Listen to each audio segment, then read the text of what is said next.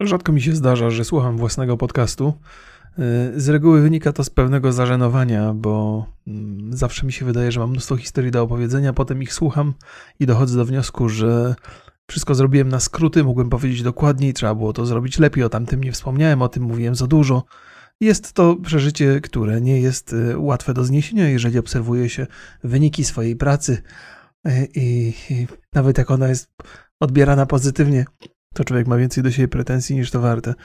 Ale powinienem to robić częściej, bo ostatnio, e, ostatnio się złapałem na tym, że ubrałem sobie takie sławki, które mają dosyć mocny bas i zauważyłem, że fatalnie nagrywam swój głos. Zdecydowanie za blisko jestem mikrofonu i te wszystkie uderzenia e, spółgłosek są boleśnie odczuwalne. Znaczy, współczuję wszystkim, którzy słuchali mój podcast ostatnio, mając silny bas gdzieś, bo to potworne było. Mam nadzieję, że teraz to się zmieni.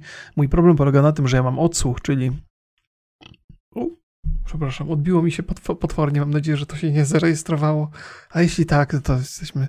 Jesteśmy. Dobrze się znamy, to może. Może nie będę musiał wycinać, bo, bo pewnie zapomnę. Dobra. Ale to mi się odbiło tak w środku. Miałem usta zamknięte w czasie odbijania się. O, co za. Co za żenuła. O czym to ja? A, mam odsłuch, który pozwala mi korygować mój głos, gdyby coś było nie tak. Natomiast mój odsłuch jest, ma bardzo niski bas. Bardzo, bardzo niski bas i tych uderzeń dźwięku w ogóle nie słyszę. I dopiero potem, po, po, nagraniu i po opublikowaniu się zorientowałem, co tam się znajduje, i, opanowało mnie straszne poczucie wstydu. Jeżeli Państwo mają możliwość skorygowania ten bas, obniżenia go, to polecam, zalecam w poprzednim odcinku, bo to było straszne. Mam nadzieję, że to nie jest nagminne u mnie. Ja w ogóle podchodzę do podcastów bardzo intymnie. Oznacza to, że nachylony jestem do mikrofonu z reguły w ten sposób. I, no i wtedy te wszystkie litery P, P i B są bardzo, bardzo mocno odczuwalne. Mimo tego, że ja osobiście tego nie czuję teraz. No, muszę coś pozmieniać. Ale mam nadzieję, że jakoś Państwo to znieśli. Chciałbym, chciałbym, chciałbym opowiedzieć coś dzisiaj. w przeciwieństwie do moich podcastów, e, które są na, na, które są zazwyczaj. To taki żarcik, tylko się przeciągnął w nieskończoność i w rezultacie stracił na znaczeniu. Oczywiście, że każdy mój podcast to jest opowiadanie historii, więc nie inaczej będzie tym razem. Cieszę się, że Państwo mają jakąś przyjemność spędzając ze mną czas i nawet czasami także mnie popędzacie żebym, żebym nagrywał więcej odcinków, bo nie macie co słuchać. To jest takie budujące bardzo mocno, ale robię co mogę. Mój podcast, ten nie mam pojęcia, jest bardzo hobbystyczny i też no, czasami, czasami mam inne zajęcia związane z pracą, które muszą być priorytetem, bo, bo ten, tego podcastu nie spieniężam w żaden sposób. Zresztą nie mam chyba jakichś takich specjalnych potrzeb, żeby to robić. No ale jak się pojawią takie rzeczy, które są związane e, z, z, z pracą, czyli z zarabianiem pieniędzy, no to one muszą iść, e, muszą być zrobione jako pierwsze. Zwłaszcza, że zwłaszcza, że e, zwłaszcza, że co? Było jakieś zwłaszcza. A, no zwłaszcza, że ceny idą do góry strasznie. No nie można zarabiania pieniędzy odkładać na kiedy indziej, bo może być potem za późno. Rzeczy się dzieją straszne, jeżeli chodzi o podwyżki. Nie będę się zastanawiał, co jest przyczyną. E, bo to nie, nie, ma znaczenia i nie ma wiedzy we mnie odpowiedniej, żebym to ocenił e, w sposób należyty. Rozbawiła mnie informacja, którą mi żona przekazała ostatnio, że ma być 500 plus dla, dla, dla małżeństw po 40-letnim stażu. I nie wiem, czy to jest autentyk, czy nie, bo moja żona to tak rzuciła w ramach żartu pewnego. Mm, ale to byłoby ciekawe rozwiązanie. Znaczy, musicie być ze sobą przez 40 lat i Mm, i musicie żyć oboje i wtedy będzie 500 plus. To, to jest okej, okay, to jest jakiś w sensie e, to jest pewien wysiłek trzeba intelektualny wykonać, a może niekoniecznie intelektualny, żeby znaleźć e, tutaj okazję na, na, na rozdawanie jakichś pieniędzy. Ja zawsze lubię, kiedy pieniądze od rządu trafiają do obywateli. To jest zawsze pożyteczne i pozytywne, no bo obywatel z reguły dużo lepiej gospodaruje pieniędzmi niż rząd. Nie każdy, ale, ale w przypadku naszego rządu to pewnie większość obywateli lepiej gospodaruje pieniędzmi. Miało nie być politycznie. W przypadku każdego rządu. Rządy, rządy operują cudzymi pieniędzmi, więc, więc dosyć lekkomyślnie to się z reguły odbywa. I pomyślałem sobie, o, w obliczu moich historii przeróżnych rozwodowych, które będę Państwu opowiadał, to jest ciekawe, ciekawa, ciekawe zagadnienie, które się tu pojawiło, bo być może jest to taki taka zachęta e, od naszej władzy, żeby jednak pozostać w tym związku. No nie jest tak, że po pięciu latach małżeństwa orientujecie się, że to jest jednak nie to, to możecie teraz pomyśleć, ej, no może wytrzymajmy jeszcze te 35 lat, będzie 500 plus, więc może warto przetrwać w związku. To jest, e, to bardzo jest interesująca motywacja. Chociaż oczywiście nie sądzę, myślę, że to jest jakiś sposób na to, żeby żeby emerytom e, trochę więcej pieniędzy dostarczyć, co jest, zawsze jestem za, ale ten, ten warunek, żeby pozostać w małżeństwie 40 lat, jest dosyć nie, niecodzienny. To, bo to co to za mężczyzna wytrzyma z kobietą 40 lat i, i, i dożyje do tego wieku późnego. przepraszam, przepraszam. Chciałem tak zażartować, że po 40 latach związku większość mężczyzn już nie żyje z powodów E, satyrycznych być może nawet. E, tak czy inaczej, to, to pewnie wielu odbiorców tego typu, tego typu 500 plus nie będzie. Ale. Momencik, pozwólcie, że jeszcze się napiję. Dzisiaj będzie dużo opowieści rozwodowych, takich trochę plotkarskich, bo muszę być niezwykle ostrożny, żeby, żeby E, bo będę opowiadał o ludziach, których znam, którzy, którzy mi byli bliscy kiedyś, a teraz ich życie się potoczyło nie zawsze w ciekawą stronę, chociaż może w ciekawą. To jest kwestia oceny, e, kwestia tego, czy są szczęśliwi z tym, co jest teraz, a co nie. Mm, byłem na zjeździe klasowym. Na tym zjeździe klasowym oczywiście spotykamy się z kolegami z klasy. Mówię z kolegami, bo nie miałem koleżanek. Nie dlatego, że nie miałem, tylko dlatego, że nie było u mnie w klasie dziewczyn. Byli sami faceci. E, to może tłumaczyć moje seksizmy. To jest taki, moje, moje liczne seksizmy, za które wszystkie panie przepraszam bardzo serdecznie. Mm, to był taki moment, kiedy szkoła średnia to jest taki moment, kiedy się chyba rozwija poczucie humoru, a to poczucie humoru było zarezerwowane tylko i wyłącznie do męskiego towarzystwa, więc ono dzisiaj może być takie, jakie państwa pewnie nieraz widzą i być może z zażenowaniem e, się uśmiechacie do tego, może wcale się nie uśmiechacie, jedynie z zażenowaniem zerkacie na głośnik czy tam na cokolwiek. E, no, więc te spotkania klasowe zawsze są dla mnie niezwykle budujące. Ja lubię się spotykać z ludźmi, lubię, lubię posłuchać ich historii. E, z rzadka opowiadam o swoich, e, bo po pierwsze, mm, nie wypada, nie wypada. Hmm, jak to? Chciałem powiedzieć, nie wypada się chwalić, ale nie wypada się chwalić. Oznacza, że uważam, że mam się czym chwalić, a to nie jestem do końca przekonany.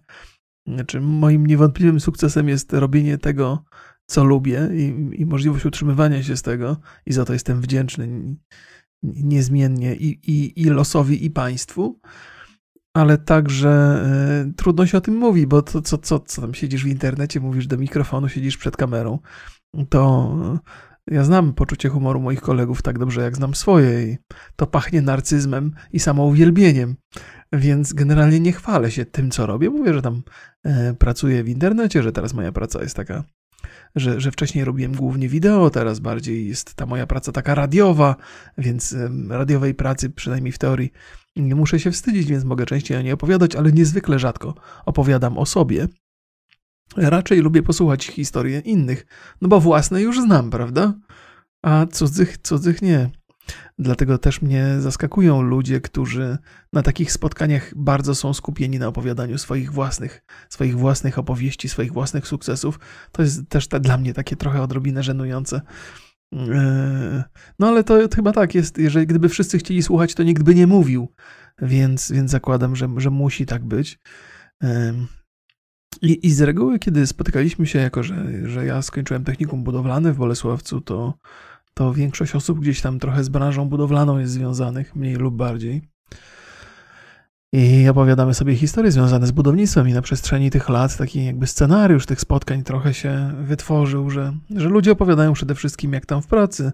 Czasami opowiedzą o dzieciach, pokażą zdjęcia dzieci, E, zdjęcia dzieci mężczyźni nieczęsto to robią, ale jak już ktoś tam popije, a z reguły te imprezy w końcu budowlane mm, towarzyszy im alkohol, to się ludziom otwierają serca i tam pokazują zdjęcia swoich dzieci i, nawet z przyjemnością się na to patrzy, jak z reguły bym nie zwracał na to uwagi, ale jak e, zdjęcia swoich dzieci pokazują mi ludzie, których sam znałem w dzieciństwie i z którymi łączą mnie jakieś tam e, uczucia, być może nawet, to, to, to przyjemnie się na to patrzy, jak tam się życie potoczyło, zwłaszcza jeżeli się potoczyło pozytywnie.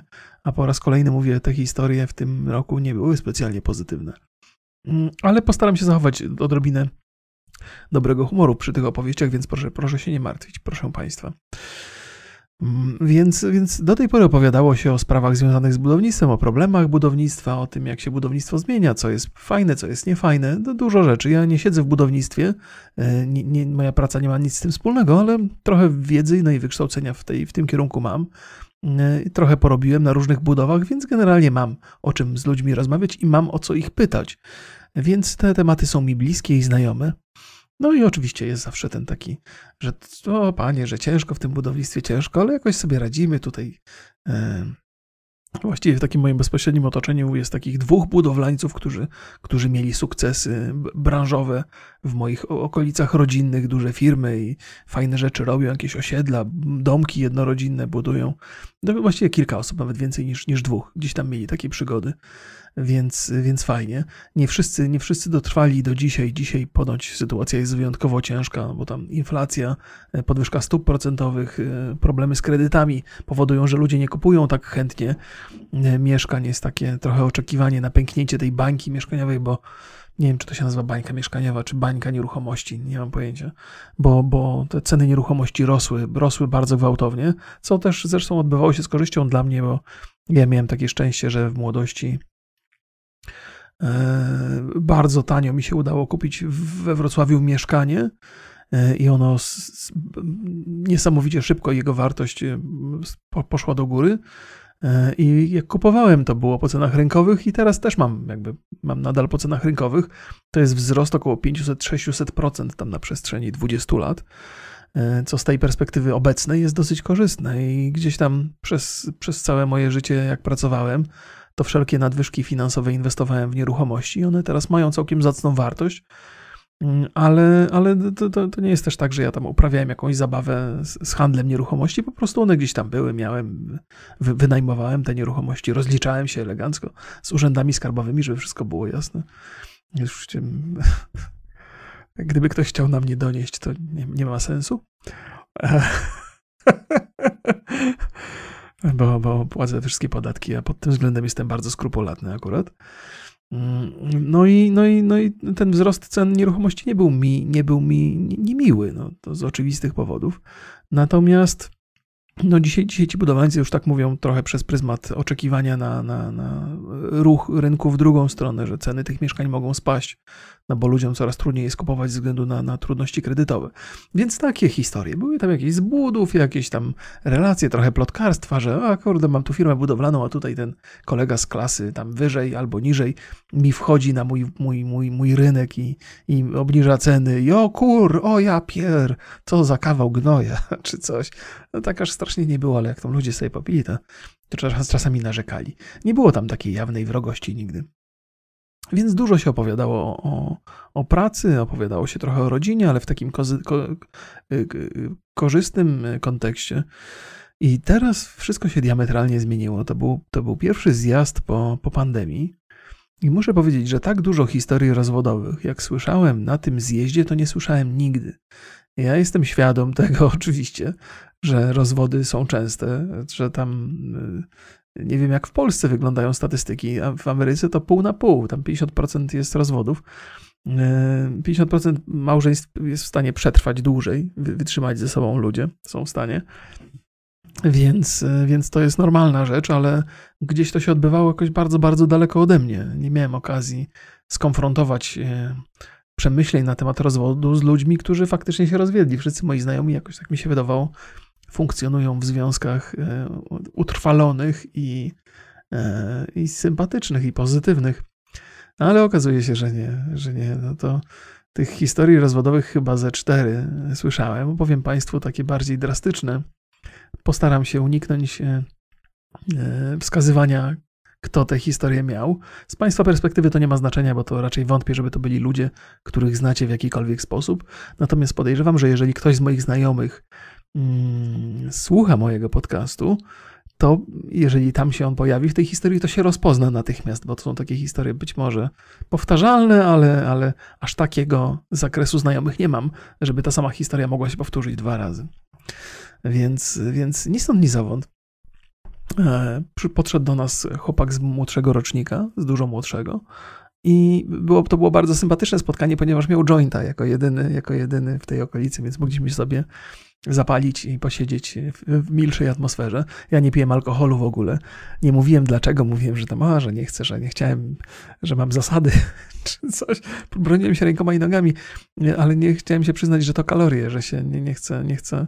Alkohol no jednak no ja muszę pilnować swoich tutaj e, wymiarów bardzo mocno, a to nie jest prosta sprawa. Latem, mówiłem Państwu, lody są i pokusy, ciasta, jakieś torty, urodziny, tego typu historie, więc postanowiłem sobie podarować wódkę tym razem. No ale zioło, zioło się przytrafiło, więc można było trochę się rozluźnić i ten młody człowiek też zaczął opowiadać swoje historie. I on miał taką sytuację, która wydaje mi się, że, że się przydarza e, i nie powinna Państwa zaskoczyć, ale jest taka, że na chwilę z, z, zatrzymuje bicie serca albo je spowalnia. On się ożenił z dziewczyną, która miała bardzo dobre relacje ze swoją matką. I pomyślałem sobie w trakcie tej jego opowieści, że to jest pierwszy, pierwszy sygnał alarmowy. W sensie takim, że dużo lepsza sytuacja jest, kiedy, kiedy córka z matką jest w delikatnym konflikcie i mężczyzna pojawiający się w domu trochę łagodzi ten konflikt, ale, ale jest tutaj, e, żona jest bliżej niego niż swojej matki. To jest bardzo, bardzo niewłaściwe, kiedy, kiedy nasza żona e, czuje większą więź z, ze swoją matką niż z nami. To, to, to, to wydaje mi się taki sygnał alarmowy. To nie jest nic złego, że dziewczyna ma dziewczyna ma dobrą relację ze swoją matką. To, to bardzo, bardzo dobrze, ale w ramach e, małżeństwa, no, no jakby lepiej już ten front przesunąć na małżeński bardziej niż. No więc ten, ten chłopak się znalazł w takiej sytuacji, gdzie, gdzie mieliśmy do czynienia z takim klasycznym modelem, że, że matka i córka trochę przeciwko temu chłopakowi. E, od, od samego początku. Jeżeli on chciał e, podjąć jakąś decyzję albo proponował jakieś rozwiązanie, to, to jeżeli tej żonie się nie podobało to rozwiązanie, to szła do swojej mamy po poparcie, po głosy poparcia i razem forsowały to. To taki model jest, nie? Ten młody chłopak opowiadał mi, że powinien się zorientować, bo e, jego teść e, w tym małżeństwie też, też był, był, taki cichy, też był wycofany, też w zasadzie nikt nie brał jego zdania pod uwagę. Więc e, powinien wtedy już zauważyć, że prawdopodobnie jego pozycja będzie dokładnie taka w całkiem niedalekiej przyszłości. I ten proces postępował, postępował coraz bardziej. No aż prędzej czy później, jakby takie sprawy konfliktowe zdarzały się częściej, już nie chcę Państwu opowiadać szczegółów, a że młody człowiek był trochę napity, to mi dużo szczegółów przedstawił, ale one nie są istotne dla całości historii, no to doszło do rozwodu i młodzi ludzie mają trójkę dzieci i ta, ta, ta, te dzieci no, teraz będą funkcjonowały trochę pozbawione ojca e, i to jest zawsze, zawsze nie, nie, niedobry scenariusz, ale tak sobie myślę, że z perspektywy człowieka, który jeszcze jest młody, to nie jest takie złe rozwiązanie, bo lepiej, lepiej to chyba przerwać niż, niż funkcjonować w tym związku i, i zmagać się z tym, z tym, z tym oporem z, z, ze strony teściowej i, i, i, i, żony. Myślę, że to jest taka, że, że to z takich historii wzięły się opowieści o, o teściowych, o tych złych teściowych, z których chcielibyśmy unikać.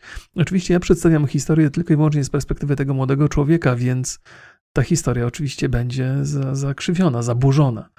To zawsze jest tak w tych związkach, że mm, no najbezpieczniej jest tak powiedzieć, że zawsze dwie strony uczestniczą w związku jeżeli coś się psuje, to znaczy, że dwie strony popełniły jakiś błąd i tyle. I to tego jestem świadom. No ale mam tą jedną historię z, z tej mojej z tej jednej konkretnej perspektywy, więc opowiadam ją dalej, bo, no bo oczywiście doszło do tego rozstania, ten chłopak bardzo to przeżył, on takie depresje, myśli samobójcze i tak dalej, to na pewno nie jest wesoła sytuacja, zwłaszcza jeżeli się bardzo poważnie traktuje bycie ojcem i bycie mężem i i to, to nie potoczyło się to życie, przynajmniej na tym etapie po jego myśli.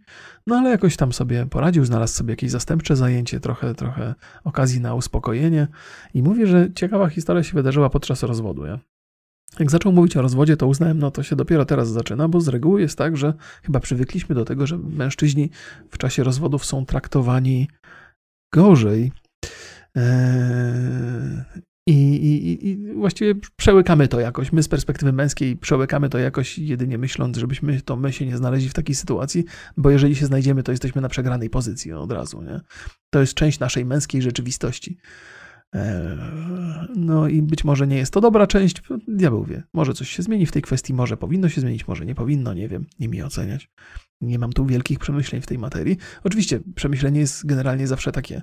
Chcielibyśmy, żeby każdy był traktowany sprawiedliwie. Nie w każdej dziedzinie życia sprawiedliwość obowiązuje. Czasami ta niesprawiedliwość wydarza się na korzyść mężczyzn, a czasami na korzyść pań. I, i może szukanie równowagi w każdej dziedzinie życia ma sens, a może nie. Trudno powiedzieć. Ale zaskakujące w tej historii było to, że, że jakby mm, spodziewano się, znaczy ta, ta dziewczyna przynajmniej spodziewała się szybkiego rozwodu z, z, z werdyktem korzystnym dla niej, a tymczasem to się ciągnie już, już od roku. I, I chyba jeden z ważniejszych błędów, jakie ta dziewczyna popełniła, to mm, jakby te, te pierwsze opowieści jej, które przedstawiała w sądzie, przynajmniej z perspektywy tego chłopaka, były takie niezwykle aroganckie. To znaczy, postawa tej dziewczyny, y, w której opisywała swoją chęć od samego początku odseparowywania tego chłopaka od, od, od dzieci swoich i tego wspólnego frontu ze swoją matką, ona to przedstawiła jako coś zupełnie naturalnego, bo podejrzewam, że ona się w takim świecie wychowała i, i, i, uważała, że tak należy, że tak, taki, takie relacje właśnie w rodzinie mają miejsce, więc jeżeli mężczyzna robi coś niewłaściwego, no to trzeba go odsunąć. I od dzieci, i od rodziny w ogóle. I przedstawiła tą swoją sytuację, że, że w związku z tym, że tak regularnie odsuwała tego męża od swoich dzieci, no to te dzieci nie mają z nim takiego dobrego kontaktu, więc może warto odseparować już je całkiem. Nie? I, I pani sędzina bardzo się zbulwersowała takim podejściem, że, że, że to że to było nieładne podejście ze strony tej dziewczyny, co było zachwycające z perspektywy męża, niekoniecznie, niekoniecznie wesoło przyjęte z perspektywy e, jego żony i, i, i teściowej. Więc taki zwrot akcji nastąpił gdzieś tam w sądzie, a jak się dalej potoczą sprawy, trudno mi powiedzieć, tak czy inaczej ten młody człowiek, mimo tych wszystkich dramatów i depresji, które przeżywa e, w związku z tym rozwodem, taki, taką e, postrzega to jako światełko w tunelu to, to, co się dzieje w sądzie i taka korzyść, której się zupełnie nie spodziewał. Więc, więc myślę sobie, że, że jeżeli nawet sędzina tak trochę, trochę zdaje się stać po jego stronie już od samego początku, to może, może w tych jego historiach jest więcej prawdy niż tylko osobisty punkt widzenia, który zawsze jest nacechowany tym, że, że swoje, że, że siebie nie postrzegamy jako winnego. A, a propos postrzegania siebie jako winnego, proces Johnego Deppa i Amber Heard już mamy za sobą, całe szczęście zresztą, chociaż było, była okazja, żeby o czymś pogadać. I, no i to opowiadałem Państwu ostatnio, że w zasadzie całość e, odbyła się na korzyść Johnego Deppa, co przyjmowałem z pewną radością, bo mimo tego, że jestem daleko i nie mam żadnych podstaw, no to, no to bardzo mocno mu kibicowałem. Miałem takie poczucie, że Amber Heard y, bardzo jest kłamliwą osobą i jest niezwykle niewiarygodna i żadnych, żadnego z tych zarzutów, które tam poczyniła, udowodnić nie może. No, tak czy inaczej ta sprawa jest zamknięta, ale ma swoje postscriptum, bowiem y, ta pani przedstawicielka kancelarii adwokackiej, która reprezentowała Amber Heard, wybrała się w podróż, w przechadzkę po telewizjach śniadaniowych amerykańskich. No i tam y, po raz kolejny y, udowodniła, że jednym z większych problemów całej tej rozprawy ze strony Amber Heard jest totalny brak refleksji. I, I, kiedy, kiedy została zapytana ta pani, pani adwokat o to, jakie błędy E, poczynili oni w tym procesie, który przegrali z Kretesem, to, to robiła wszystko, żeby zrzucić winę gdzieś tam na jakieś czynniki poboczne, że Johnny Depp jest sławny, więc jemu wierzyli, że ma więcej fanów, więc to wpłynęło na ławy przysięgłych, że hejt był w internecie na Amber i to też wpłynęło na wyrok. Mnóstwo takiego zrzucania winy na wszystkich innych, tylko nie na siebie. I to też po, tych, po, tych, po tym takim chyba chyba dwie wizyty były w tych telewizjach śniadaniowych, pojawiły się raczej takie głosy, że niech oni już sobie dadzą spokój z tym, bo to jest, e, bo to już jest e, żenujące, zwłaszcza odrzucanie winy, bo to, wiecie co, to nawet tak sobie myślę, że w takich sytuacjach, kiedy, kiedy przegramy w czymś i nawet jeżeli uważamy, że mieliśmy rację, mimo tej porażki, to, to odrobina refleksji prowadzi nas do mm, no trzeba się trochę skonfrontować z tą porażką. Nie? Oczywiście przegraliśmy, bo tamta strona była silniejsza, ale jakie błędy żeśmy popełnili? No to jest takie bardzo chyba potrzebne w życiu każdego, nie? Dostrzegać te błędy, bo, bo tam błędy były ewidentnie e, wykonane, tam ewidentnie się przytrafiły, ale nic, nic tam nie było, absolutnie żadnej refleksji, żadnego przyznawania się do winy. Takie, takie e, mocno idą w zaparte i w czasie procesu szli, szli w zaparte i po procesie szli, za, szli, szli w zaparte. Zapowiadają apelację, ale e, też miałem okazję posłuchać kilku prawników na YouTubie, którzy analizowali ten proces trochę. Mówili, że jest niewielka szansa, żeby, żeby apelacja się przydarzyła, bo jakby materiał dowodowy nie do końca, nie, nie bardzo się zmienia. E, a przy okazji jeszcze no, apelacja i prawnicy kosztują, a nie sądzę, żeby Amber Heard miała teraz nadwyżki finansowe e, jakieś, więc, więc tam ta apelacja się nie przydarzy. Miejmy nadzieję, że ta sprawa już tak skona naturalnie i, i nie będzie trzeba do tego wracać. Mimo tego, że, że obserwowanie jej dawało mi trochę mm, przyjemności, to źle powiedziane, ale dawało, dawało mi takie e, okazje na, na, na, na spędzanie czasu i, i, i, poznawanie tego życia trochę, ale, ale już wystarczy, już, już chyba nie ma co tego ciągnąć. Nie wiem, czy Państwu podrzuciłem ten wątek, bo też mi to chodzi po głowie. Zastanawiam się, czy takich procesów nie będzie więcej. Bo, bo ten, mimo że obrzydliwy w wielu miejscach, to niewątpliwie e, przywrócił nazwisko Johnego Deppa, jak i Amber Heard na pierwsze strony gazet. Więc zastanawiam się, czy niektóre pary takich aktorów, kiedyś sławnych, teraz odrobinę mniej, nie będą szukali tego typu rozgłosu. No to, to chyba zawsze jest taka okazja. Jak się zawsze, jak się przydarzy taki, taka możliwość e, pokazania się przed kamerami, wzbudzenia kontrowersji, zrobienia zamieszania wokół siebie, wzbudzenia zainteresowania ludzi dookoła, to znajdą się ludzie, którzy będą to chcieli wykorzystać za wszelką cenę. Więc, więc myślę, że, że jesteśmy dopiero na takim Myślę, że takich spraw już mogło być trochę w przeszłości, ta była taka wyjątkowo głośna, ale jesteśmy na, na, na, na, na przededniu Armagedonu, takiego y, sądowniczego, jeżeli chodzi o takie sprawy, bo ich może być, może być coraz więcej. To jest, wiecie, to jest rozgłos, to jest zawsze, zawsze rozgłos i, i, i w tym przypadku jakby on skrajnie zaszkodził Amber Heard, ale bardzo pozytywnie wpłynął na Johnego Deppa, no ale zawsze można, idąc do sądu i nagłaśniając sprawę, można zaryzykować i mieć nadzieję, że się odniesie jakiś sukces, nie tylko w ramach z, e, werdyktu, ale także, także medialny.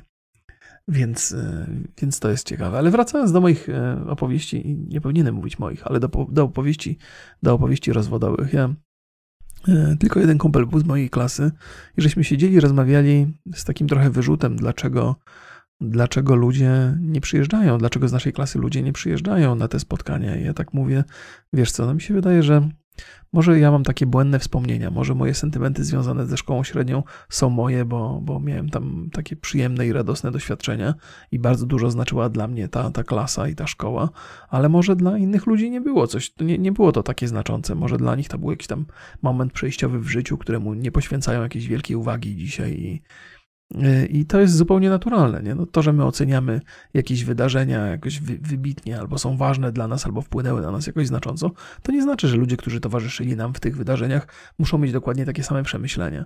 Więc taka była moja refleksja. No i, no i tak, tak sobie rozmawiamy i akurat my żeśmy obaj przyjechali z Wrocławia na to spotkanie, więc musieliśmy wykonać jakiś wysiłek. Ludzie, którzy mieszkają w Bolesławcu, czyli tam, gdzie się odbywało to spotkanie, nie mieli czasu, żeby przyjść. No i tam były takie różne. Ktoś tam miał komunię i, i to jest jakby normalne, trudno się z tej komunii wyrwać, żeby się spotkać z kumplami. Komunia jest ważna. Jakieś takie tragedie rodzinne gdzieś tam się przydarzały.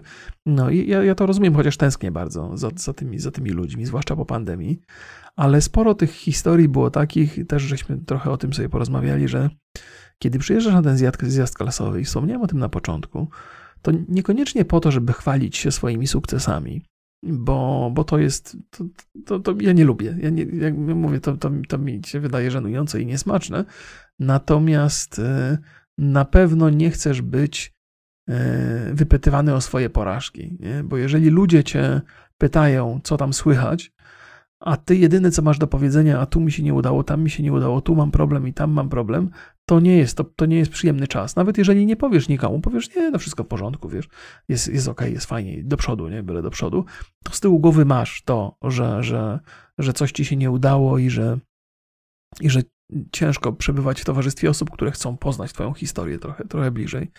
I, I być może po tych, w tych czasach pandemicznych po prostu było więcej osób, które na, na swoje życie aktualnie patrzą przez pryzmat e, niepowodzeń niż, niż przez, przez sukcesów. No pandemia trochę nas nastroiła negatywnie i myślę sobie, że być może te, te rozwody pewnie by się przydarzyły prędzej czy później i bez pandemii, ale pandemia je gwałtownie przyspieszyła i tak je skonsolidowała. W sensie, jakby, jeżeli mamy do czynienia z dużą grupą ludzi, to dużo rozwodów tam miało miejsce w tym czasie, w, te, w takim krótkim odstępie czasu. I dlatego tak z, z, taką trwogą przyjmowałem informację, że tu rozwód, tam rozwód. Ale teraz historia, historia pozytywna, myślę sobie. E, ona ma, ta historia ma dużo rozgałęzień, nie o wszystkich rozgałęzieniach mogę opowiedzieć. Jest dużo twistów w tych, tych historiach, ale to tak to w życiu się, tak to w życiu się z reguły przydarza. Jeden z moich znajomych, e, nie z mojej szkoły, ale gdzieś trochę odrobinę dalszy, ale taki, którego bardzo, bardzo cenię i bardzo, bardzo lubiłem zawsze, chociaż nie widziałem go chyba za 20 lat już, może trochę mniej. Nie trochę mniej. E, rozwiódł się po raz drugi. Rozwiódł się był po raz drugi. I to nie jest historia pozytywna, oczywiście. To zależy, jak patrzycie na związki. Jak ktoś chce być samotny, no to, to rozwód jest dla niego zawsze dobrą informacją. Um, I to jest w obliczu, obliczu tego chłopaka, to, jest dla mnie ogromne zaskoczenie, bo on mi się zawsze wydał taki e, ultra sympatyczny gościu, którego nie można nie lubić. To znaczy, nie potrafię sobie wyobrazić, że on znajduje się w takiej sytuacji, w której dziewczyna już nie może z nim wytrzymać. Nie? To mi się zawsze wydawało właśnie spośród wszystkich moich kumpli. On konkretnie wydawał mi się najbardziej sympatyczny, najbardziej ugodowy, najbardziej taki ustępliwy, i, ale przy okazji pewny siebie i, i, i, i fajny ziomek. I on, on akurat totalnie jakby nie, nie, nie miał w sobie tego, tego. Nigdy bym go nie podejrzewał, nie podejrzewałbym go liczne rozwody, a to tymczasem już dwa ma za sobą. Ale historia, jak mówię, jest pozytywnym twistem. On kiedyś spotykał się z dziewczyną e, dawno temu w Bolesławcu. Nie, nie spotykał, chciał się spotykać. Jako, że żeśmy tak, e, ja trochę z, do, z doklejki, ale mm, to była taka grupa ludzi, znajomych, e, niektórzy się przyjaźnili mniej, inni bardziej, ale, ale no, on, on akurat był zainteresowany taką dziewczyną i zaproponował jej tam jakąś bliższą relację. I ona powiedziała, że, że że nie, ale to nie jest jego wina, ona po prostu nie chce psuć tych relacji tutaj i w grupie, i tych, tych przyjaźni. Boi się, że jak coś pójdzie nie tak, to potem będzie kłopot. Nie? Jakby rozumiem jej rozterki, chociaż uważam, że to zawsze jest kłamliwy argument. Nie? Jeżeli, jeżeli no po prostu musi, prawdopodobnie wtedy nic do niego nie czuła. To jest jedyny, jedyny argument. Bo jak ludzie mają się ku sobie, zwłaszcza w młodym wieku, to takie troski o to, nie chcę, żeby się popsuła, żeby się popsuła atmosfera w grupie, to nikt o tym nie myśli. Nie? No człowiek jest zaślepiony, nawet jeżeli nie mówimy o miłości, ale o jakimś takim nawet zaciekawieniu, zainteresowaniu, to wszystkie inne sprawy schodzą na boczny tor i jeżeli zainteresowanie jest z obu stron, to, to, to się idzie i nie patrzy się na konsekwencje, nie? Zgadzacie się ze mną? No, no więc, ale to jest, to jest, to się zdarza, że, że ktoś komuś w danym momencie nie, nie do końca przypada do gustu. No ale co się okazało? W ogóle ta dziewczyna, która, która mojego kolegę tutaj tak załatwiła, była ze mną na studniówce, więc ja też darzyłem ją ciepłymi uczuciami, ale też nie na tyle, żeby popychać to dalej do przodu. Zresztą znałem historię mojego poprzednika, o którym dzisiaj opowiadam, który odbił się tutaj od, e, od ściany, więc mówię też nie będę tu, nie będę e, sytuacji tam, nie będę, nie będę brnął w to, nie? bo to nie ma, nie ma sensu większego. E, więc dlatego dla mnie ta sytuacja jest też, też, ta cała opowieść jest e, dużo bardziej interesująca przez to. No ale ta dziewczyna też gdzieś się po drodze rozwiodła. Więc nagle po 30 latach i on i ona spotykają się, chyba w Bolesławcu, Palicho, nieważne gdzie się spotykają, oboje rozwiedzeni, wolni. No i, no i co? No i za, za, zaiskrzyło, zaiskrzyło. No i teraz podobno są, są razem. Nie wiem, czy to zmierza do jakiegoś ślubu, czy, czy, czy nie. Nie wiem, czy, to ma sens w ogóle się żenić? Po, po, tylu rozwodach lepiej być ze sobą po prostu, po co komu te dokumenty. Ale nieważne, nie mi oceniać. Tak czy inaczej pozytywna ta historia zawsze jest, kiedy, kiedy ludzie po, po iluś tam latach, y, no kiedy te stare uczucia powracają. Mm, I oczywiście to jest optymistyczna historia, ona jest fajna i mam nadzieję, że wszystko się dobrze potoczy im. Mam nadzieję, że też kiedyś będę miał okazję się z nimi spotkać i w ogóle pogadać o tych rzeczach, chociaż ja też nie jestem taki wypytujący. Mam nadzieję, że kiedyś będę miał okazję się z nimi spotkać i że będzie alkohol i że to rozwiąże języki wszystkim. A co, co potrzebujesz alkoholu, żeby się dobrze bawić? Nie, niekoniecznie, ale czasami. Czasami jest tak, że ja mam zawsze mam dużo, dużo do alkoholu zastrzeżeń z oczywistych powodów. Raz z dietetycznych, dwa, że też widziałem paru moich znajomych, którzy z alkoholem mieli duże problemy, więc zdaję sobie sprawę, że jest to zagrożenie, ale też rozumiem, że w niewielkich dawkach e, ostrożnych potrafi bardzo uprzyjemnić e, współfunkcjonowanie i rozwiązuje języki, powoduje, że ludzie są odrobinę bardziej swobodni, opuszczają trochę bariery, nie do przesady, ale, ale tak, żeby, żeby być bardziej sobą. Ja zawsze mówiłem o tym, wiele razy to powtarzałem, że w moim mniemaniu alkohol pokazuje nasze prawdziwe oblicza. Mm, I niektórzy są super sympatyczni pod wpływem, a niektórzy są super niesympatyczni pod wpływem, i wtedy człowiek wie, że to nie jest przypadek że to, że to wszystko, co im się udaje ukrywać, albo co ich ogranicza, jakieś kompleksy czy coś, to, to oni w środku to mają, tak te pozytywne rzeczy, jak i te negatywne rzeczy, więc chyba mam tak, że jeżeli ktoś się jakoś strasznie upije w, przy mnie i zachowuje się bardzo niefajnie, to ja już y, y, za, zaczynam wierzyć, że, że to jest on, to jest prawdziwy on i że mm, no i że trzeba się trzymać z daleka, trzeba, trzeba mieć trzeba ostrożnie. No, ale, ale, ale to, to nie o tym, bo znowu zaczynam jakieś mroczne, mroczne, smutne historie opowiadać. Może niekoniecznie, może one są. Może Państwo też mają takie spostrzeżenia. Bo alkoholu też będzie za, za lada moment. E, więc e, z jednej strony e, to jest fajna, sentymentalna historia, może sentymentalna, taka, taka ten powrót do miłości i, i że musieli 30 lat na siebie poczekać, to się nadaje na jakąś, jakąś romantyczną opowieść. I pewnie wielokrotnie ten wątek był wykorzystywany, ale prawda jest też taka, że jest pewne zagrożenie dla związków małżeńskich, kiedy ludzie spotykają się na zjazdach klasowych z, z, osobami, które darzyli cieplejszym uczuciem w młodości, ale na przykład związek nie doszedł do skutku, albo byli ze sobą, ale się rozstali, ich drogi się rozeszły, bo te uczucia lubią powracać z, z zaskoczenia w najmniej spodziewanym momencie. I to się też zdarza, że jeżeli dochodzi do jakichś romansów albo zdrad, to właśnie, właśnie na skutek powrotu starych uczuć e, albo takiego myślenia, myślę, że też może się, może się zdarzyć taka sytuacja, że ktoś jest w związku, nie jest do końca pewny, czy to jest najlepszy związek, jaki mógł się znaleźć, to wtedy swoje przeszłe związki, które się rozpadły, ocenia tak trochę pozytywniej. Na przykład myśli sobie, a kurde, rozstałem się z tą dziewczyną, jak miałem tam 18 lat, może to ona była tą jedyną, czy coś, nie? Takie rzeczy mogą, mogą przychodzić. Albo, albo e, była taka dziewczyna w młodości, która mi się strasznie podobała, ale bałem się cokolwiek jej powiedzieć. E, a kto wie, może to, była, może to by była ona właśnie. A potem się spotykacie na zjeździe klasowym i ta dziewczyna mówi, to czemu nic nie powiedziałeś? Ja też, ja też cię bardzo lubiłam. I też się wstydziłam. I potem, o kurde, no to trzeba sprawdzić. No i, no i potem są rozwody i tak dalej, i tak dalej. Już żartuję oczywiście, te, te, moje historie raczej, raczej dotyczą pandemii i tego, że ludzie byli zmuszeni być ze sobą na niewielkich czasami powierzchniach, no i się zderzały emocje silne i to prowadziło, jakby przyspieszało ten proces rozwodowy. Bo chyba z reguły, kiedy każdy z nas żyje własnym życiem i mamy swoje prace i z, jakby mijamy się w ciągu dnia, y, to, to te takie, no, nie ma takiego silnego i nieustannego zderzenia. Nie? No, no, ale to, to jest zawsze, zawsze powrót do jakiś taki sentymentalny powrót do mi, miłostek z młodości jest ryzykowny i niebezpieczny dla naszych aktualnych związków. Trzeba o tym pamiętać. E, tak czy siak, ja opowiadam to raczej w ramach e, moich spostrzeżeń, nie osobistych doświadczeń, więc, więc nie mam pojęcia na dłuższą metę.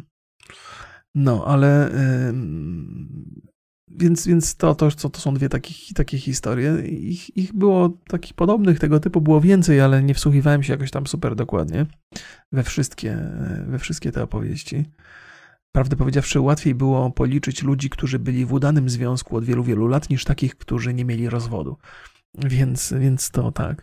Ale jeszcze jedna, jeszcze jedna historia mi tam utkwiła w głowie. Jest takich dwóch kolegów, y, a nie, jest jeszcze, to trzy historie jeszcze mam takie. Miałem jednego też takiego chłopaka, który miał strasznie dużo szczęścia w życiu. Zawsze spadał na cztery łapy. Zawsze miałem wrażenie, że on podejmuje totalnie niewłaściwe decyzje, ale zawsze te decyzje mu się, mu się, mm, jakby mu się udawało. Nie? E, to, to takie, no, podałam taki przykład, nie? że facet jeździł super nieostrożnie samochodem, tak naprawdę bardzo, bardzo nieostrożnie i, i wszyscy, kiedy żeśmy tak obserwowali go, to, to każdy w głowie miał, on prędzej czy później albo się zabije, albo kogoś zabije, albo będzie miał jakiś wypadek, krzywdę sobie robi, zrobi, roz, rozwali auto. E, I no i prędzej czy później dojdzie do wypadku. No i doszło do wypadku. Owszem, zdarzył się wypadek bardzo groźny, niebezpieczny, nic się tam na szczęście nikomu nie stało, ale było, było ryzykownie przy dużych prędkościach. No i co się okazało? Że to nie była jego wina, to była wina kogoś innego. Natomiast, i to jest, to jest właśnie to szczęście, nie? że on jeździł zawsze fatalnie, zawsze niebezpiecznie, zawsze, zawsze przesadnie dynamicznie, e, a jak doszło do wypadku, to nie była jego wina. E, no i, no i, no i to, jest, to, jest, taki przykład spadania na cztery łapy. Nie? Całe wszystkie znaki na niebie i na ziemi pokazują, że, że jak będziesz postępował w ten sposób, to cię spotka coś złego e, i nic się nie dzieje. I to w różnych takich aspektach życia mu się tak przydarzało.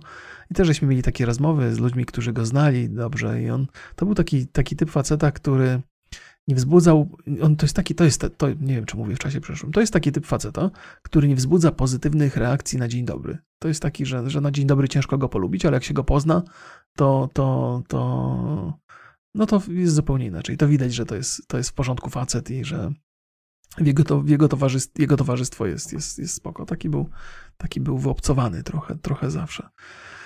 Mm, I też nie miał za bardzo szczęścia w związkach e, to, to żeśmy się też śmiali, że w szkole średniej też sobie wybierał taką, wybrał sobie, znalazł sobie taką dziewczynę, latał za nią strasznie, o której wszyscy wiedzieli, że ona raczej do niczego się nie nadaje i powinien jej unikać, ale on nie mógł nad sobą zapanować. Ale ostatecznie rozstali się i, i, i ożenił się z, z, inną, z inną dziewczyną, taką, ja też miałem okazję ją poznać, gdzieś tam wydawała mi się super sympatyczna, mieli, mieli tam, mieli dziecko i, i mają dziecko i no ale, ale się niestety też posypało to, nie? gdzieś tam na przestrzeni ostatnich dwóch lat i to tak się posypało, że to bardzo nieszczęśliwie się odbyło, odbyło dla niego i, i ciężko w ogóle złapać kontakt, nie? Taki, tak odciął się trochę, bo on to był też taki facet, co zawsze, zawsze na tych zjazdach bywał, bardzo, bardzo często, nie zawsze, ale, ale bardzo często i zawsze ceniłem jego towarzystwo. E, no a teraz właśnie na skutek tam różnych przeżyć nie do końca fajnych, gdzieś to gdzieś, gdzieś szlak trafił te, te, te, te relacje na, na zewnątrz i, i tak się ponoć zamknął w sobie, nie? Ale to też są takie ploteczki, nie? A to to jest taka historia pesymistyczna, ale opowiadam Państwu dzisiaj o, o rozwodach, no co, co mam nie opowiadać? Boże drogi. To jest, moi znajomi muszą uważać teraz, jak mi opowiadają historię. Ja wszystko sprzedam teraz. Teraz wszystkim będę plotkował. E, ale to mam nadzieję, że na tyle anonimowo, że nikomu tam się nic przykrego nie wydarzy. I jeszcze, jeszcze jedna jest taka opowieść. Miałem dwóch kolegów, dwóch kolegów w klasie. E, I, i dlaczego chcę Państwu opowiedzieć tą historię? No miałem więcej kolegów niż dwóch, ale, ale próbuję gdzieś to jakoś tak ułożyć po kolei i trochę uzasadnić to, co powiem za chwilę. Czasami jest tak, że patrzycie na kogoś i myślicie, o, ten człowiek dobrze nie skończy w życiu, nie? że on robi dużo głupich rzeczy i jako, że jest młody, to jeszcze nic złego się nie dzieje, ale ale to się musi, to się musi, to kiedyś prędzej czy później, to karma go dopadnie, to nie ma, nie ma opcji. Robi dużo, dużo głupich rzeczy i to, to, to będzie miało swoje negatywne skutki. E, I no, i, no, i, no i faktycznie jest taki jeden chłopaczek, który robił całą masę głupich rzeczy. Tak długo jak go znam, to zawsze robił głupoty jakieś totalne. No i w końcu go dopadło i kurde, skończył z jakimś problemem alkoholowo-narkotyczno-hazardowym, jakiś długi, jakiś, jakiś, jakaś masakra w ogóle. I pomyślałem sobie, no, no właściwie to było do przewidzenia, nie? To było do przewidzenia, że to się tak potoczy, chociaż oczywiście bardzo mu współczuję i wolałbym, żeby wszystko się potoczyło dobrze. Ciągle jesteśmy młodzi, tam każdy z nas ma 45 lat, więc wszystko można jeszcze odkręcić, tak sobie myślę. Ale e, Wspomniałem o dwóch, dwóch koleżkach, bo miałem drugiego kumpla, który dla odmiany wszystko, co robił, było sensowne i było przemyślane, i był, bo on się bardzo dobrze uczył i był w ogóle inteligentny, niezwykle pewny siebie bardzo. E, I, I wszystkie znaki na niebie i na ziemi wskazywały na to, że on tak czy inaczej osiągnie jakiś sukces, że pójdzie do przodu, że będzie, będzie sobie świetnie radził w życiu, że będzie przedsiębiorczy. I niestety nie. I też się coś, coś się wydarzyło, że wpadł w jakieś problemy alkoholowe, takie, takie mocne że, że no jakby alkoholowy problem totalnie z, z, z, zrujnował mu wszystkie możliwe i potencjalne osiągnięcie. I myślę sobie, ja cię kręcę, jak to w ogóle możliwe? Nigdy po nim nie było widać, by miał jakieś takie problemy, które alkohol może uśmierzać. Albo jakieś bóle, żeby przeżywał. On był, był, był jak, jak powiedziałem, był, był rozrywkowy, jeździł fajnym autem, dziewczyny się nim interesowały, więc taki był imprezowy, zabawowy facet, nie? Więc to może, tak myślę sobie, że po prostu lubił imprezy i, i to może spowodowało te, te, te, te problemy z alkoholem, ale nic nie wskazywało na to, że, że jemu się tak tam, tam posypie. No i tak sobie rozmawiamy z tym kumplem rozmawiamy sobie z tym kumplem e, o, o, tych wszystkich rzeczach i dochodzimy do takiej konkluzji, że faktycznie jest tak, że nie, nie, po to się przyjeżdża na zjazd klasowy, żeby się koniecznie chwalić o swoich sukcesach. Chociaż ja przyjechałem z taką myślą, kurde, schudłem, pokażę się chłopakom, nie? jak schudłem, jak zadbałem o siebie. Pomyślałem, że zabłysnę. Nikt na to nie w ogóle nie zwrócił uwagi. Nie szkodzi, nie szkodzi. Ja nie potrzebuję pochwał, e, to nie, nie, nie, nie o to chodziło, więc tego typu rzeczy, to takimi rzeczami mógłbym się chwalić. Natomiast e, ostatnio, ostatecznie jest taki, taka myśl, że tak, no, że jeżeli komuś tam nie do końca idzie, albo coś tam mu się nie zgadza, albo, albo ma jakieś problemy, to on raczej nie będzie chciał się pojawiać na zjeździe klasowym, no bo co tam, co tam powie? Będzie patrzył na kumpli, którym na przykład się udało wszystko i dobrze, dobrze im idzie, to będzie się czuł źle. Zapytają go, co tam słychać, będzie się czuł źle. Mm, więc, więc chyba gdzieś tam jeżdżąc na takie zjazdy klasowe, chyba jest nas coś takiego, że chcielibyśmy się pochwalić, że łatwiej nam się jeździ, jeżeli mamy się czym pochwalić, a nie chcemy się tam wybierać, kiedy nie mamy się czym pochwalić. Ostatecznie niczym się nie chwalimy, bo jesteśmy z reguły dojrzali, rozsądni. Narcyzm jest tylko od czasu do czasu nam bliski. Mm, ale, ale, ale ta myśl pozostaje, ten, ten klimat, to takie nastawienie, z jakim idziemy na zjazd, żeby, żeby coś pokazać, że, że tam żeby, że nie trzeba brzucha wciągać tym razem, czy coś. Nie? No ale, ale, no więc to był taki dosyć, e, to fajny był zjazd klasowy, bo to było 30-lecie naszej szkoły i fajnie się było spotkać i to już któryś raz zresztą z kolei to była super fajna sprawa. Ale, ale towarzyszyły temu takie historie, takie historie niełatwe. Ale ostatecznie wszyscy się tam wódki napili piwa i byli radośnie uśmiechnięci. Dużo, dużo więcej było śmiechów i historii niż, niż, niż jakichś tam trosk wielkich.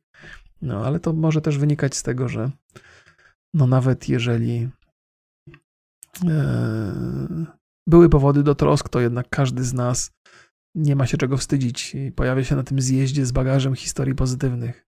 Także. Bo jak się nie pojawia, to, to być może tego bagażu historii pozytywnych nie ma.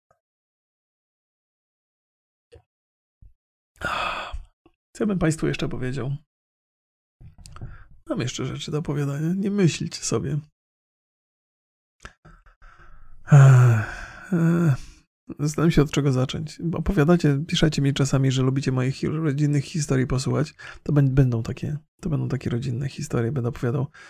Moje dzieci Mój syn jest w takim wieku, że dużo się zmienia w jego życiu. On teraz idzie do szkoły średniej, więc ważne decyzje do podjęcia.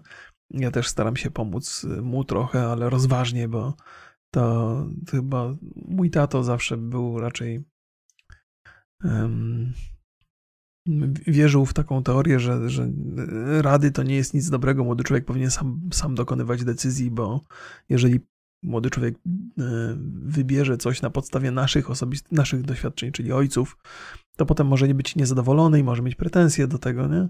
Więc na dobre i na złe młody człowiek musi podejmować rady sam, ale też jest takie pytanie, jeżeli, znaczy musi podejmować decyzje sam, ale też jest takie pytanie, że jeżeli w moim mniemaniu on podejmuje fatalną decyzję, to czy powinienem coś zrobić, powinienem zawalczyć, powinienem się, powinienem zaprotestować, czy, czy może powinienem mówić, że okej, okay, synu, po taką decyzję podejmujesz, to ja będę cię wspierał bez względu na wszystko. Chyba ta ostatnia wersja jest najbardziej sensowna, nie? Nawet jeżeli nawet jeżeli wiecie, że to, co robi młody człowiek jest ryzykowne, to, to musicie go wspierać. I zaraz, zaraz wrócę do tych historii, do egzaminów mojego syna, bo to są nie, nie takie zwykłe egzaminy na koniec ósmej klasy, tylko inne. Ale chcę opowiedzieć jeszcze jedną historię, która mi się przypomniała teraz. I, i to nie jest taka historia, która jest od początku do końca wyczytana, ale trochę, trochę wyczytana między wierszami. E, państwo na pewno kojarzą Igę Świątek. Ona ma fenomenalne wyniki, wyniki w tenisie. Ostatni turniej, jaki wygrała to Roland Garros. Oprócz tego, że wygrywa te turnieje, jest pierwszą rakietą na świecie w, w, w tym w, w klasyfikacji W. Jak to jest? E, zapomniałem, jak się nazywa ten tenis. tenis. WTA to się nazywa? W? Mniejsza z tym. No, w tej żeńskiej klasyfikacji. Po co ja tak błądzę? Chciałem się wykazać wiedzą e, bo kiedyś bardzo było mi to bliskie, a teraz nie pamiętam. Nie pamiętam, może, może mi się przypomni. Mm, więc no, dużo się o niej mówi, dziennikarze ją tam trochę prześwietlają i wydaje mi się, że ona psychologicznie jest fantastycznie ustawiona, że y, oprócz tego, że wygrywa turnieje, to też ileś tam ma zwycięstw po kolei. Żadnej porażki przez bardzo, bardzo długi czas. Na, to, jest, to jest na tyle długi czas, żeby zwracał uwagę i chyba niezwykle istotne jest to, by tą równowagę psychiczną zachowała. Dziennikarze wyłapali, że ona za każdym razem, kiedy wygrywa coś, to dziękuję swojemu trenerowi, swojemu ojcu, ktoś tam, jakimś takim ludziom, którzy są jej blisko, natomiast nigdy nie dziękuję swojej matce. No i to już niektórych dziennikarzy skłoniło do, e, do poszukiwań. I e, no i, no i odnaleźli tą matkę. Ta matka jest dentystką chyba. No i tak y, z, z, opowieści matki taki się rysuje scenariusz. Oczywiście ta opowieść nie musi być prawdziwa, bo to każdy, za każdym razem. Każdy opowiada swoją historię, stawiając się w najlepszym możliwym świetle. Że ona, że, że ta matka mm, robiła wszystko, żeby pracować, żeby zarabiać, żeby, żeby e, ta Iga Świątek mogła trenować i żeby ten ojciec mógł się tam tymi treningami zajmować i tym sportem zajmować więc całe swoje życie poświęciła na to, żeby, żeby zarabiać i pracować na sukcesy swojej córki, a teraz nawet podziękowań nie usłyszy, bo tam coś, coś doszło do jakiegoś konfliktu, coś poszło nie tak, nie? I myślę sobie, okej, okay, to jest, nie, nie, dojdziemy nigdy do tego, jaka historia jest prawdziwa, która jest istotna, ale tak naprawdę ja nie chcę do tego dochodzić nawet. Opowiadam Państwu to jako ciekawostkę pewną i to, jak dziennikarze dłubią w poszukiwaniu klików, a mogą tak naprawdę zaszkodzić, bo to relacja między matką i córką e, albo się naprostuje, albo się nie naprostuje. To nie jest niczyja sprawa tylko matki i córki. To po pierwsze. Po drugie, jeżeli e, jakby te sprawy, które pewnie są tam niedomknięte, gdzieś tam coś musiało się wydarzyć, niekoniecznie fajnego, zaczną teraz e, Igę Świątek mm, nurtować, to jest duża szansa, że, że, że te, te, ta równowaga psychologiczna, psychiczna zostanie zaburzona i że, i że ciąg sukcesów się zakończy. I to jest jakby poszukiwanie plotkarskich historii kosztem w zasadzie nie tylko kogoś, konkretnie tenisistki, ale też kosztem jej sukcesów. Jest, jest czymś bardzo niewłaściwym, bo, bo jest spore ryzyko. No jeżeli jest jakaś sprawa z przeszłości, która na pewno jest problematyczna, bo relacje matki i córki, ojca i syna to jest coś, co zostawia w nas trwały ślad, niezależnie od tego, jak się potoczą, to, to przywracanie i robienie z tego tematu publicznego to nie jest dobry pomysł. To jest, to jest coś bardzo, bardzo, bardzo niewłaściwego. No ale oczywiście my z żoną, jako że sobie lubimy po, po, po, porozmawiać i po, podyskutować, to żeśmy próbowali jakoś, jakoś pogrzebać w tym. I myślę sobie, że w tym, tym drobnym, wąskim zakresie mojego podcastu to nie zaryzykuję, nie zaszkodzę tutaj sportsmence, opowiadając moje historie. Więc moja żona, moja żona ma taką hipotezę, że że, no, że matka trochę była odsunięta od tego tenisa, zajmowała się zarabianiem pieniędzy, natomiast e, córka i ojciec ćwiczyli razem i utworzyli taki wspólny front trochę i ta matka była odstawiona na boczny tor, mimo tego, że to ona finansowo się przyczyniła do tych sukcesów w przyszłości. I to, to spowodowało jakieś tam takie, takie rozbicie w tej rodzinie. I to jest hipoteza mojej żony. Ja natomiast mam, mam, mam w głowie odrobinę inną. I ona się wiąże trochę z tą historią mojego syna, o której wam opowiadałem, że kariera e, wyczynowego sportowca, sportowca, tak jak kariera, nie wiem, profesjonalnego muzyka, kariera aktorska, kariera nawet, nie wiem, youtuberska jest, jest bardzo ryzykowna. Jest bardzo dużo osób, które chcą osiągnąć sukces. Sukces osiąga relatywnie niewiele osób.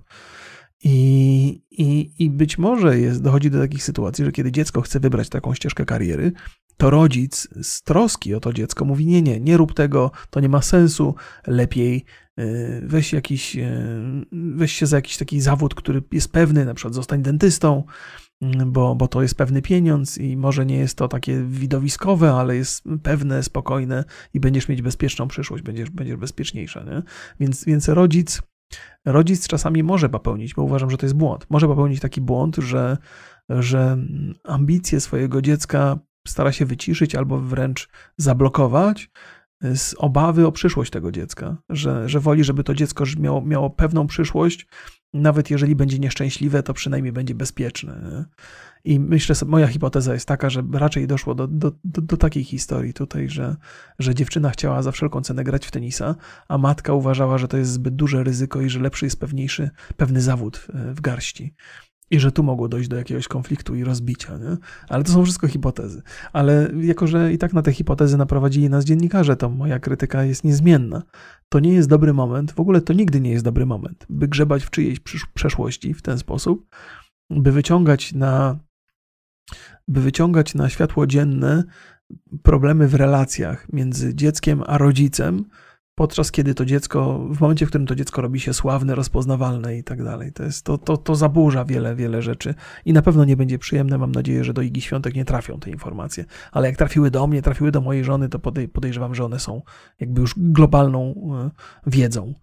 I, I, być może inni dziennikarze będą ten temat wykorzystywać, żeby, żeby, żeby kliknięcia generować w tej czy w innej formie.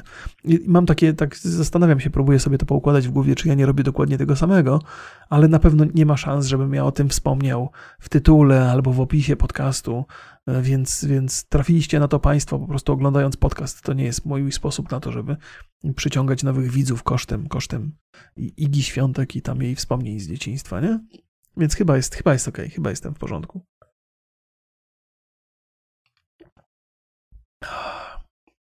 Czy zastanawiacie się Państwo, jak jest taka dłuższa pauza, to ja z reguły coś popijam, ale może jak Państwo gdzieś tam jadą samochodem albo idą, to zastanawiacie się, czy to już koniec podcastu, tak bez pożegnania? Ja tak właściwie, mój początek podcastu jest taki bez przywitania, już sobie tak postanowiłem, że będę z biegu siadał do mikrofonu i opowiadał jakieś historie i to zawsze, zawsze Państwa zaskoczę, że nie będzie dzień dobry, witam Państwa bardzo serdecznie, to jest mój podcast, Przecież też tak zaczynałem, ale teraz mam inne, inne skłonności. Mm, dziękuję bardzo patronom i tak dalej. Nie mam patronów, tak mówię, tylko idę za, za tymi popularnymi podcastami, które tam mają patronów.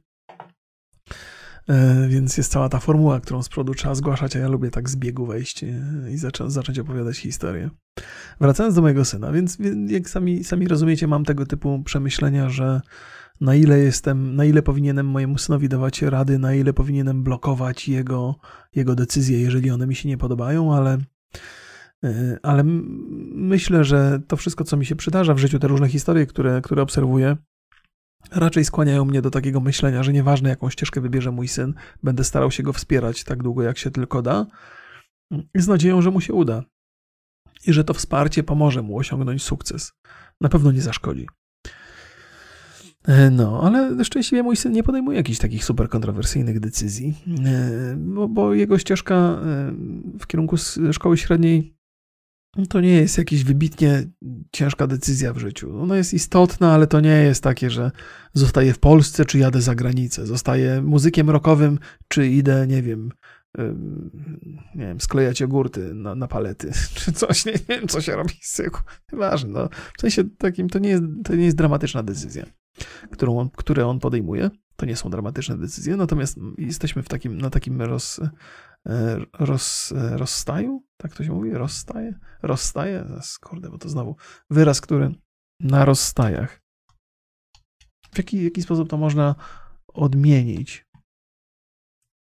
Hmm, na rozstajach, ogród na rozstajach, na rozstajach. No, jesteśmy na rozstajach teraz trochę są. Tam jest młody człowiek kończąc szkołę podstawową składa podania do kilku szkół. Mój syn oczywiście złożył podanie do kilku szkół, ale w zasadzie jego decyzja, jego wybór sprowadza się do dwóch. E, do dwóch. Jedna szkoła prywatna, e, dwujęzyczna, właściwie z takim naciskiem na, na zajęcia w języku angielskim, e, z maturą międzynarodową na zakończenie.